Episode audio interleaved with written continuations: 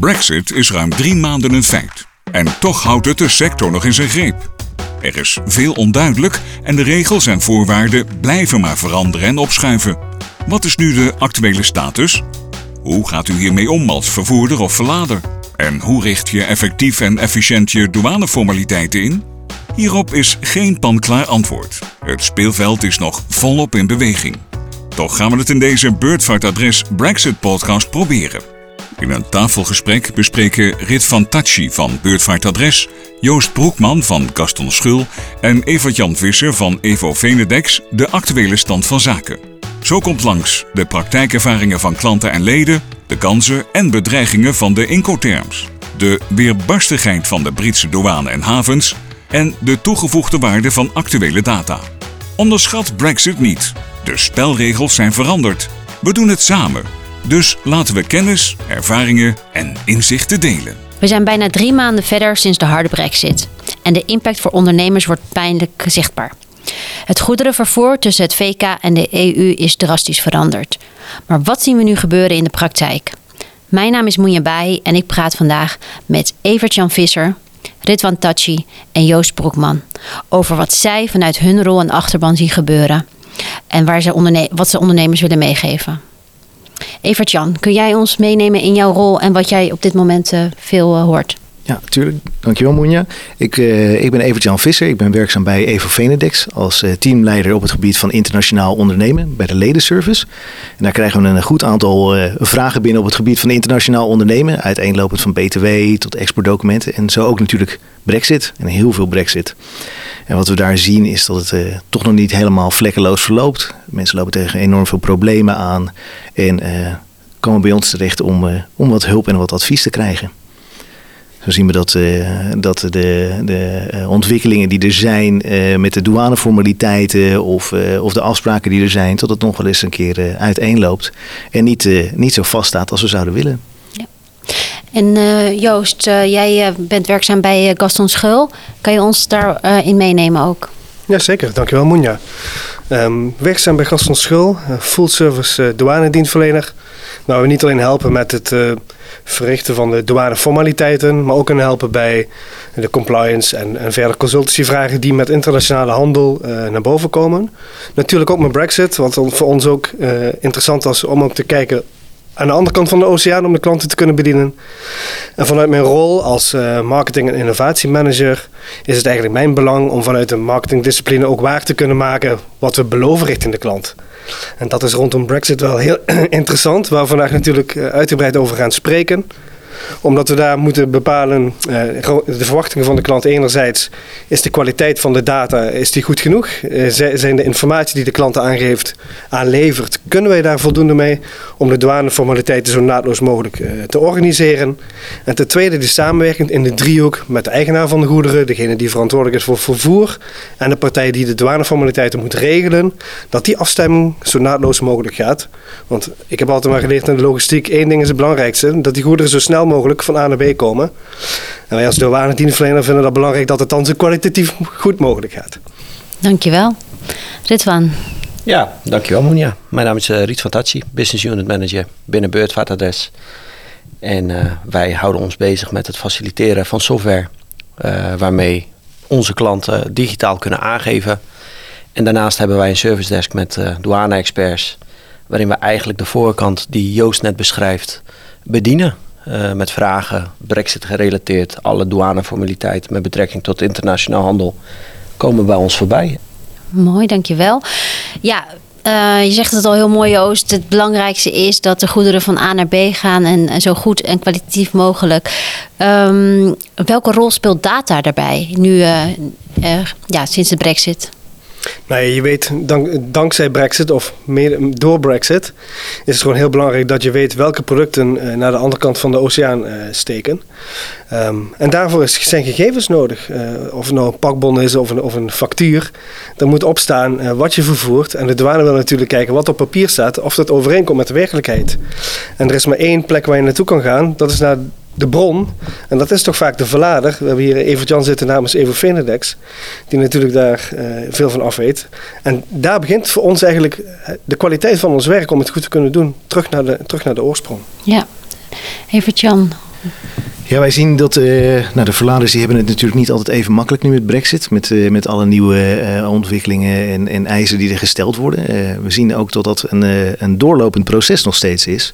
Bijvoorbeeld zoiets cruciaals als een commercial invoice tot de eisen daar, wat er ook vermeld moet worden. Tot het ook nog steeds wijzigt. Het lijkt wel alsof het een soort van een trial and error uh, situatie op dit moment is.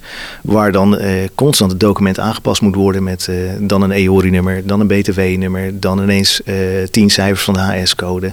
Ehm, dus het is eigenlijk nog steeds een ontwikkeling. lijkt het op, terwijl het eigenlijk vast zou moeten komen te staan. Maar dit is nog steeds bewegend. En, en ja, hoe, hoe moeten ondernemers daarmee omgaan volgens jullie? De tijd die de ondernemers, de verladers nu hebben om de spullen bij hun klanten te krijgen, veel, veel korter is dan normaliter, is, het, uh, is de efficiëntie van data en op tijd de juiste data hebben, is, denk is hier heel, heel, ja, heel erg duidelijk geworden. Dat je dat op tijd moet hebben en wat, wat voor data je op dat moment nodig hebt. Want omdat het zo kort is, uh, is elk, elk oponthoud garantie voor behoorlijke vertragingen.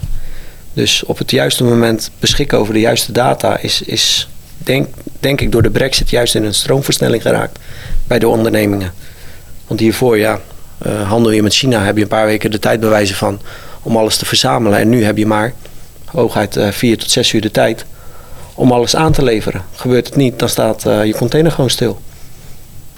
Ja, ik denk dat je de spijker op de kop slaat. Het is zo ontzettend snel hoe je moet reageren op veranderingen. Uh, waar voorheen inderdaad naar China, uh, daar heb je een aardige transittijd. Dan kun je nog eens een keer wat aanpassen of een keer uh, herstellen wat er, wat er gestuurd is. Maar nu is het zo kort, zo snel. En ook daar merken we tot, tot de eisen ook nog steeds anders zijn. Wat ook nog steeds een, een, ja, een lastig onderdeel is waar, waar veel, nou in ons geval leden mee, mee te maken hebben. Nou ja, we hebben natuurlijk de afgelopen periode uh, intensief contact gehad, Joost en ik, met betrekking tot, uh, tot de brexit. Uh, de oplossing die wij gezamenlijk in het leven hebben geroepen voor, voor die voornamelijk de doelgroep. En de, de veranderingen in de regels die vooraf besproken zijn, dat is ook een essentieel punt. Ja, dat verandert in een rap tempo het een en ander. En als je daar niet flexibel in kan zijn, ja, dan wordt het best wel een, een heikel punt van hoe ga je ermee om. En daar hebben we natuurlijk, uh, ik denk dat uh, Joost daar uh, aan de kant van het Verenigd Koninkrijk alleen maar nog, nog meer aanvulling op kan geven. Ja, zeker iets van. Als onze samenwerking zo begonnen, hoe kunnen we de kwaliteit van die data verder automatiseren, zodat we dat, dat stukje geborgd hebben. Maar heel veel valt ook samen met de verwachtingen die je over, over en weer hebt tussen al die drie schakels, zeg maar. De verlader, de vervoerder en de douaneagent. En daar zien we dat nog heel veel te halen valt. Want in mijn beleving, en we horen het vandaag, inmiddels zitten we enkele maanden in, uh, in de fase waar nog gewerkt wordt uh, dat Brexit passé is, hè, het is gebeurd. Nieuwe douaneformaliteiten. Maar er wordt nog steeds gedacht alsof de logistieke keten nog werkt, alsof Brexit niet bestaat. En daar zul je echt wel een goed gesprek over aan moeten gaan met de partijen die hierin betrokken zijn. Om die verwachtingen toch nog echt wel een keer aan te scherpen met allerlei veranderende spelregels die er nu zijn. Uh, en een simpel voorbeeldje is bijvoorbeeld Incoterms. Uh, allemaal heel fanatiek begonnen. Zeker de Nederlandse partijen waar we mee te maken hebben. Die het goed op orde hadden. Maar toch tegenaan lopen dat partijen in Engeland minder goed voorbereid waren.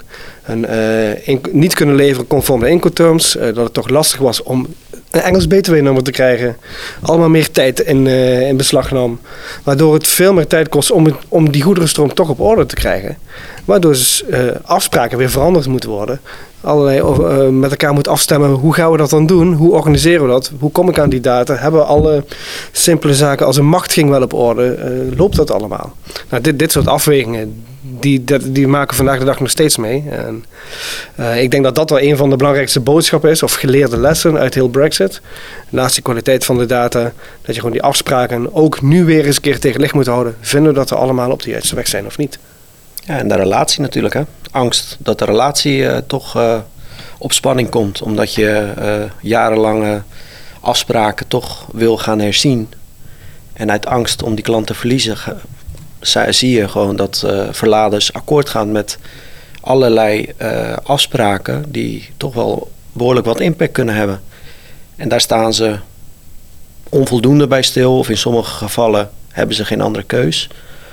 Maar dan kan, dan, ja, daar adviseer ik altijd, ga gewoon één keer een goed stevig gesprek bij wijze van met je klant aan. Dan heb je niet jarenlang discussie.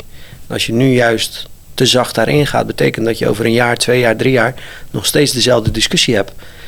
En ja, uh, dan kan je ook in het geding komen met je marges. Nu kan het uh, invoerrecht 0% zijn, maar wie zegt dat dat over drie jaar nog steeds zo is? Ja, nee, dat gebeurt niet. Dat, dat, is een beetje de meest ja, de, de meeste reactie van, vanuit bedrijven die in zo'n positie zitten. Dat ze zeggen van ja, nee, het is 0% en dat zal wel zo blijven. En we zitten goed. Ja, die garantie durf ik niet hard uit te spreken, want dat weet je niet. En als, daar in één keer een behoorlijk percentage tegenover zit, ja, dan moet je onder water leveren. Ja. Wil je die risico's lopen?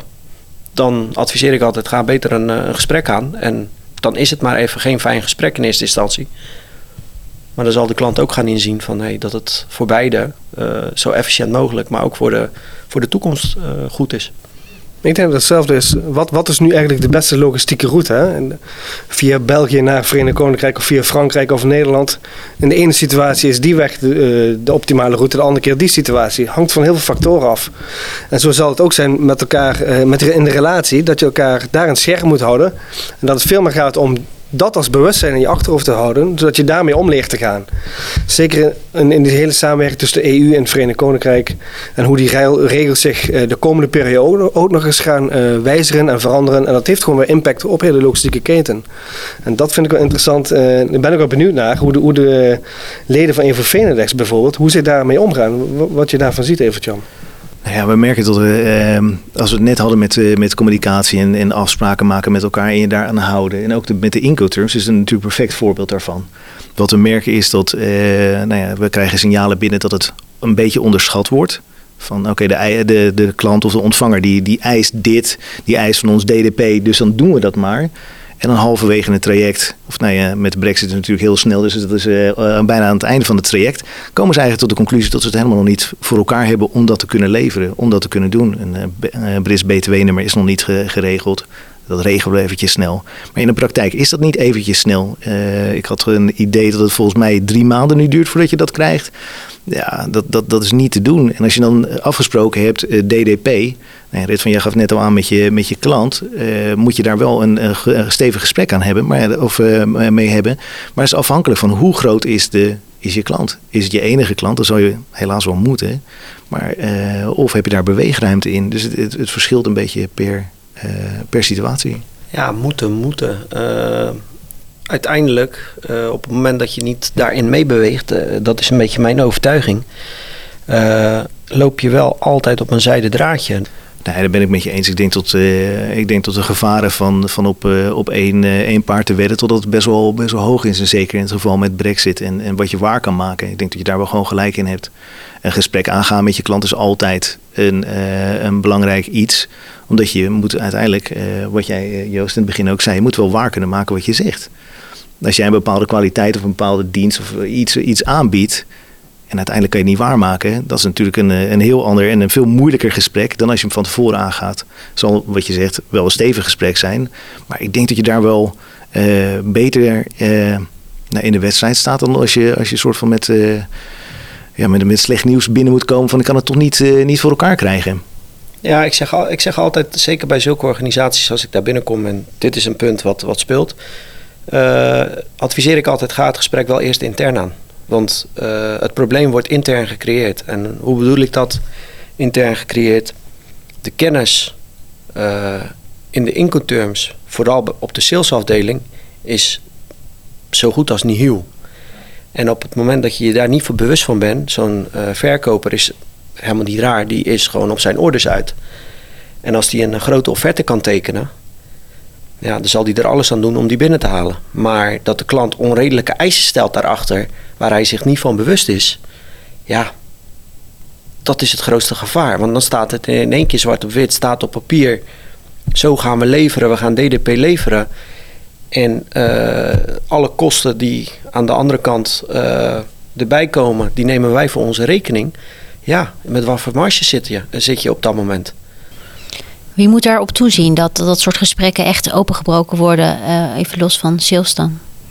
Uh, dat is voornamelijk intern. Uh, degene, ja, je hebt verschillende benamingen binnen bedrijven. De compliance managers, de, elke organisatie die geeft er een andere naam aan, zo'n functie.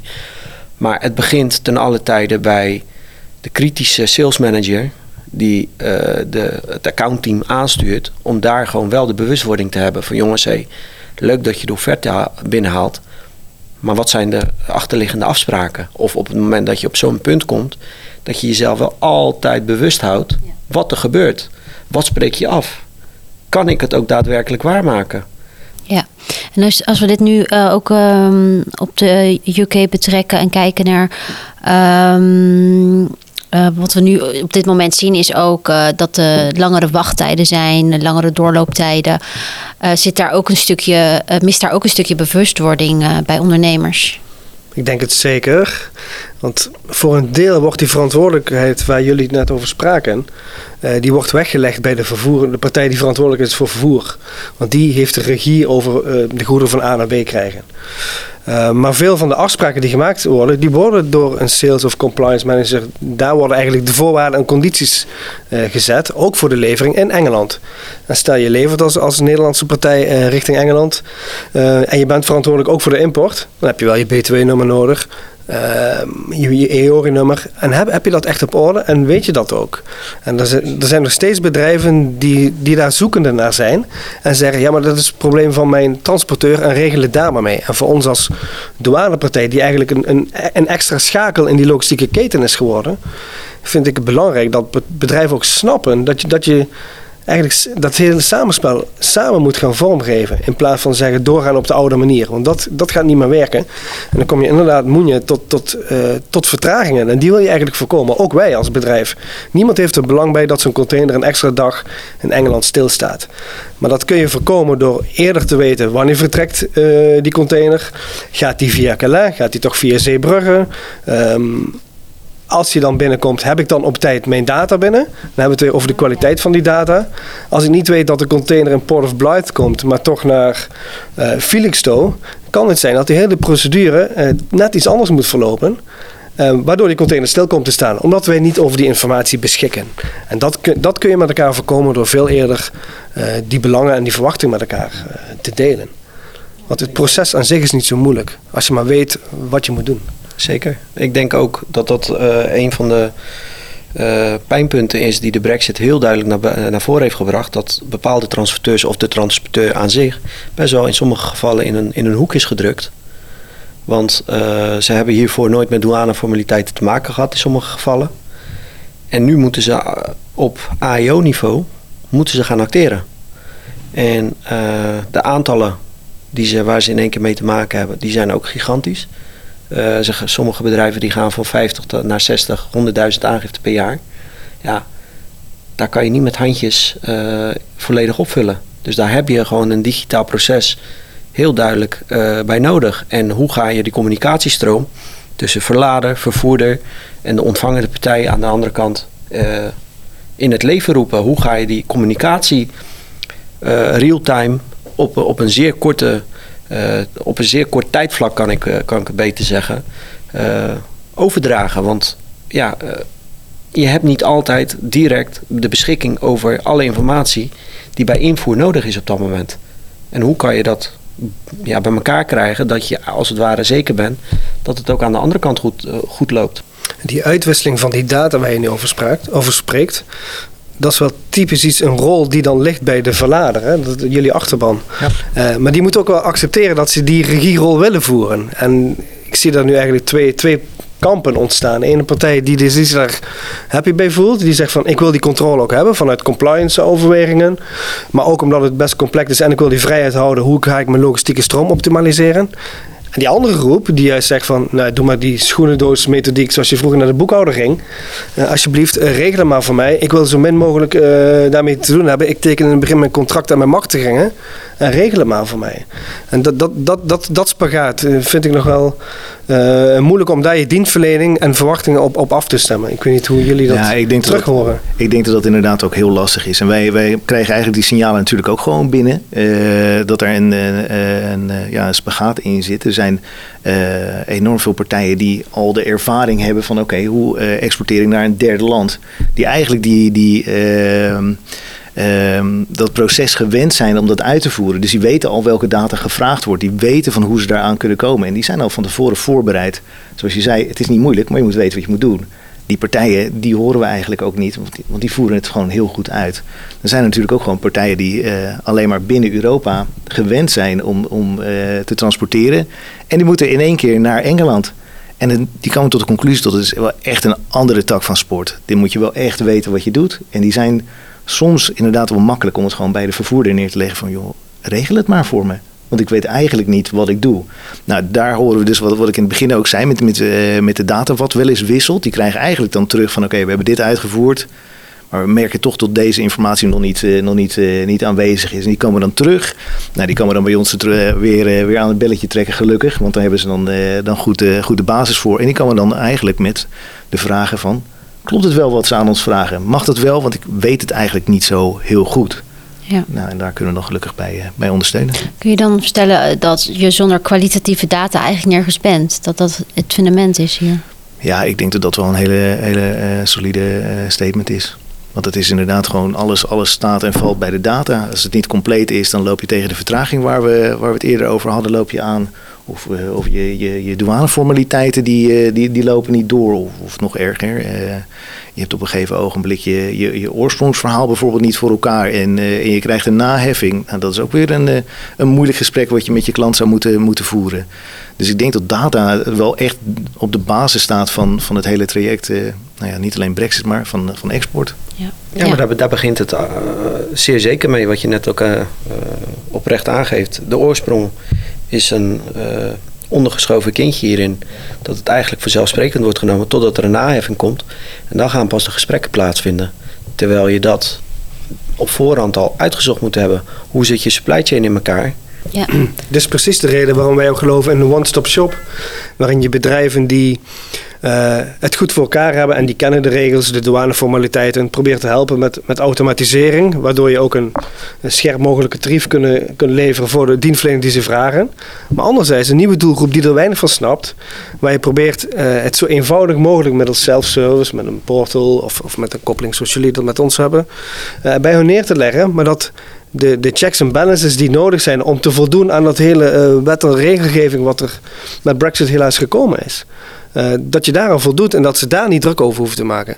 En dat betekent ook in heel die beweging dat we veel meer uh, een dienstverlener aan het worden zijn, waar het niet alleen maar gaat om die formaliteit en dat papiertje. Ja, dat is nodig om van A naar B te komen bij de grensposten. Maar dat het veel meer gaat om de dienstverlening die je daar om, omheen organiseert. Om bedrijven te helpen met de vraagstukken die ze hebben en hoe ze zo'n drempels uh, kunnen slechten. En, en hoe ze dat dan ook organiseren in de organisatie. Ik ben helemaal met Riet van eens. Ja.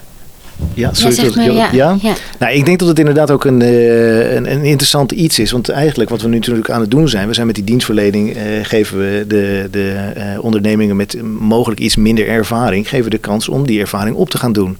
Dus eigenlijk zijn we ook nog een gedeelte training aan het doen. Misschien is dat een, niet, niet het woord wat erbij past, maar we zijn, zijn mensen indirect natuurlijk gewoon ervaring aan het opdoen. Dus het wordt steeds makkelijker en steeds fijner. Waardoor dus, uh, nou ja, wat jij zei, Rit, van uh, op een gegeven ogenblik eh, bedrijven en, en organisaties gaan steeds meer controle proberen te nemen. Ik denk dat een, dat een natuurlijke ontwikkeling gaat zijn die, die steeds, steeds interessanter wordt. Maar dat, dat is een beetje in de, in de samenwerking die wij natuurlijk met de Venedex hebben. ja, dat in de gesprekken die, waar het ook vaak terugkomt, is we zijn eigenlijk de markt in, in sommige aspecten aan het opleiden en praktisch aan het opleiden theoretisch is een ander verhaal. Daar, zeker al binnen de douane is, zijn er eh, zoveel aspecten waar je kennis van moet hebben. Dat je een theorie een wat langere tijd nodig hebt. Maar je kan de bedrijven wel op een praktische manier opleiden dat ze direct kunnen acteren naar de verwachtingen. En dat is wel een heel belangrijk punt hierin. En daar proberen we natuurlijk met EVV heel veel in te schakelen. Ik ga de laatste zijn die, die roept dat compliance zijn eh, niet belangrijk is. Zeker vanuit onze optiek. Maar we moeten ook niet vergeten, we zijn pas eigenlijk 2,5 maand onderweg. Hè? En een, compleet, een wereld die eigenlijk voor de meeste bedrijven compleet nieuw is.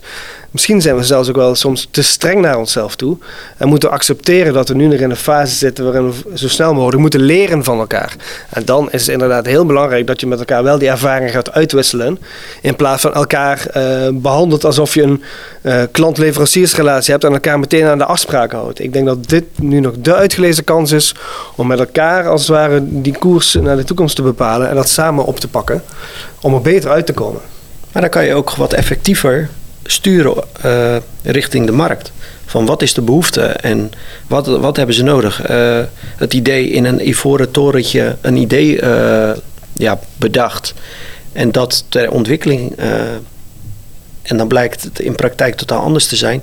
Daar geloof ik niet in. Ik heb zoiets van: beste ideeën worden op de werkvloer ja, naar voren gebracht. En die moet je hebben. En op het moment dat je dat wegzet, zeker nu in een fase van Brexit, ja, daar komt enorm veel inspiratie vandaan. In, in, de, in de tijd dat het zo het moeilijkste is, daar gaan ja, medewerkers creatief worden. Hoe gaan ze daarmee om? En als je die creativiteit kan gebruiken en als organisaties, branches of wat dan ook bij elkaar brengt, ja, dan kan je tot uh, oplossingen komen die ook voor de toekomst essentieel zijn. Ja, ik denk dat dat uh, inderdaad een hele, hele terechte uh, gedachtegang is. Ik denk dat het daar ook gewoon bij staat. Je moet ook gewoon samenwerken, open zijn en, en niet, uh, niet bang zijn om je ervaringen te delen. We hebben een, niet, niet al te lang geleden hebben we ehm, Brexit koffiebreaks gedaan. Waar eigenlijk leden bij elkaar gewoon in een teams omgeving eventjes met elkaar ehm, hun ervaring konden delen tegen de praktische problemen waar ze tegenaan zijn gelopen. En, en hoe, nou ja, wat je zegt, hoe creatief kan je zijn om het op te lossen. Dat is natuurlijk wel heel interessant dat ondernemingen met elkaar het gesprek aangaan. Van ik loop hier tegenaan. Herkent iemand dat? En er is altijd weer iemand die zegt, dit herken ik ook. Maar ik heb het zo en zo opgelost. Dus heel, uh, heel interessant. En zeker wat, uh, wat Joost ook zegt, we zijn net begonnen. Dus waarom, waarom moeten we nu niet even kijken hoe we het met elkaar kunnen doen? Ik denk dat dat een hele, hele uh, terechte gedachtegang is. Ja, we hangen allemaal aan die, aan die supply chain. Daarom. Uh, je kan zeggen, ik ben voorbereid, mij overkomt niks. Maar als je buurman niet voorbereid is en je staat in dezelfde kolonne aan de grens... en die staat toevallig net voor je... betekent dat jij gewoon net zoveel vertraging hebt, want hij komt er niet door. Daarom hetzelfde met je consolidatie. Dan sta je daar met, uh, met z'n allen en jouw pelletjes staan met de andere pelletjes. En, uh, en jij hebt het netjes voor elkaar en de ander niet. Ja, maar eigenlijk is het wel heel verrassend. Want een half jaar geleden kon je iedere dag wel tien Brexit webinars volgen. En vandaag de dag, misschien heel sporadisch, dat er eentje voorbij komt. Waar je nog op in kan schrijven waarin je juist die ervaringen van de afgelopen periode met elkaar kan delen. Ik zie dat weinig gebeuren. Dat is eigenlijk wel jammer. Misschien wel zelfs een gemiste kans kracht van, uh, van paniek. Hè? Op het moment dat een, uh, een doelgroep in paniek is. Ik, ik schets het heel erg zwart-wit, maar uh, ja, dan, dan gaan ze wel op zoek. En ik stoorde me af en toe ook aan het feit dat er heel erg gezegd 70% uit Pols is voorbereid. Dacht ik ja, 70% van de groep die nu aan een aan een desbetreffend webinar of aan aan die enquête heeft meegedaan. Maar dat is de doelgroep die al bezig was met zich voorbereiden. Zijn uh, al proactief Precies. op zoek naar informatie en aan het kijken hoe ze het doen. Absoluut. En de, rest daarna, ja, als jij daar helemaal niet mee bezig bent, dan ga je, zit je niet aan zo'n webinar. Dus eh, ik was meer benieuwd hoe groot is de groep daarachter. En die groep, die, die merk je nu, dat die heel erg is gaan roeren van hé, hey, ik zit met een probleem. Maar dan moet je gaan kijken wie zijn degenen die zo'n webinar deelnamen. Het zijn vaak collega's uit het vak. Of, of, of iemand die een adviseursrol heeft. Of niet, uh, niet per se uh, uh, zelf in de warehouse hoeft, hoeft moet staan. Terwijl dat juist de doelgroep is die met deze informatie we een logistieke proces alleen maar kan verbeteren. En dat is wel, ik weet niet hoe jullie dat zien, hoe je die doelgroep nou, probeert te bereiken. Wij zijn, wij zijn wel redelijk actief met webinars en, en, en, en mogelijkheden bieden om, om ondernemingen bij elkaar te krijgen. We vinden dat, wat je zegt, het is een, een onderbelicht iets. En het is juist heel fijn om die praktijkervaringen met elkaar te delen. Dus zijn er op een gegeven ogenblik zijn we ermee begonnen met die, met die koffiebreaks. En dat, uh, dat is enorm goed, goed verlopen. Is, is vrij druk geweest. En, en er zijn veel ervaringen gedeeld. En ik ben het helemaal met je eens dat, nou ja, gebaseerd op het succes dan, tot andere bedrijven dat ook, of andere ondernemingen of verenigingen dat ook moeten doen. Want het is het is enorm fijn dat uh, in ons geval dan de leden een, een, een, soort van een basis hebben om alles even met elkaar te kunnen delen. En zoals die webinars over, over Brexit, nou, we hebben ze op, op alle verschillende fronten, uh, uh, BTW, oorsprong, ze zitten binnen no time vol. Dus je merkt gewoon dat de, tot de vraag naar kennis nog zo ontzettend aanwezig is. En ja, dat is natuurlijk heel fijn, want dan komen we, komen we verder daarin. Maar het, het, is, het laat ook al wel zien dat het zo ontzettend belangrijk is om het te blijven doen. We zijn er echt nog niet. Ja. Als je kijkt dan naar de hoeveelheid vragen die jullie allemaal binnenkrijgen vanuit jullie achterban, dan merk je dat er gewoon nog heel veel uh, vraagtekens zijn. Um, als ik het uh, mag samenvatten, wat ik hoor, wat ik terug hoor komen, is eigenlijk uh, dat jullie merken dat de spelregels zijn veranderd, maar dat er nog een grote groep is die uh, ja, nog uh, handelt zoals voor de brexit. En uh, dat, dat, dat het gesprek over openbreken zo belangrijk is. het praten over de afspraken, het herzien van de incoterms. En nagaan of je data wel echt op orde is en of die kwalitatief is. dat dat wel een beetje het startpunt is. en dat het vooral een, kwestie is van van trial and error en, en, en kennis delen. Mis ik daar nog iets in? Of waarvan jullie zeggen, dit is ook uh, essentieel in deze eerste uh, fase? Ik denk dat, dat het ook een heel belangrijk gegeven is. Ondanks bedrijven heel goed voorbereid zijn. Als je ziet in drie maanden hoeveel er gewijzigd is met betrekking tot de brexit. Ja, in hoeverre had je je kunnen voorbereiden? Tot op een zekere hoogte. Maar het belangrijkste is up-to-date blijven. Want denken dat je er bent, dat is, dat is de grootste struikelblok die ik nu zie bij bedrijven. Dat ze denken, nou, ik heb me voorbereid en vanaf hier kan ik weer verder. Nee, up-to-date blijven. Dat is, dat is de grootste uitdaging. Ja. Evert Jan, wat zou jij nog mee willen geven als je, als je nu, uh, je hebt nu de kans om te zeggen, let daar vooral op of vergeet dit niet. Nou, daar zijn bij ons uh, wat we eigenlijk een, uh, laat ik het anders, anders instappen. We hebben op een gegeven ogenblik hebben we het over oorsprong. Kom even langs het, het onderbelichte kindje. Uh, dat, dat zien wij tot dat toch nog echt een, uh, een belangrijk punt is waar nog heel veel uh, kosten bespaard kunnen worden. Dus met, met preferentiële invoerrechten, het, het, het rechtsnummer wat, wat niet iedereen van op de hoogte is. Dat is, dat is toch best wel een, een belangrijk iets wat langskomt. En ik denk tot, tot nou ja, wat weet jij zegt van dat je up-to-date blijft. Ik denk dat dat wel enorm belangrijk is. Want je kan het allemaal wel uh, klaar hebben en denken van ik ben er. Maar de eerste, de beste wijziging en, en je staat weer achteraan in, uh, in de file om uh, te wachten hoeveel, hoeveel wachtkosten je krijgt. En ik denk dat het zo belangrijk is om maar gewoon up-to-date te blijven en, en maar de communicatie met anderen desnoods aan te gaan. Wat ervaren jullie? Joost, heb jij daar nog aanvulling op? Ik denk dat als je de kwaliteit van de data op orde hebt, waaronder oorsprong of uh, hoe je facturen kan digitaliseren en die data kan gebruiken als vertrekpunt van heel die douaneformaliteiten. Maak dan gebruik van de automatiseringsoplossingen die er eigenlijk zijn. Er zijn er genoeg op de markt. Uh, en kies voor een dienstverlener uh, die je de service geeft die jij eigenlijk verwacht of waar je naar op zoek bent. En, en, ga er niet zomaar vanuit dat de partij waar je nu mee samenwerkt dat ook al levert. Daar is nog veel te halen. Dankjewel. Ik wil jullie bedanken voor jullie tijd. En uh, wellicht kunnen we op een uh, ander moment weer uh, met elkaar verder praten hierover. Hou ons in de gaten. Binnenkort meer. Dank u wel.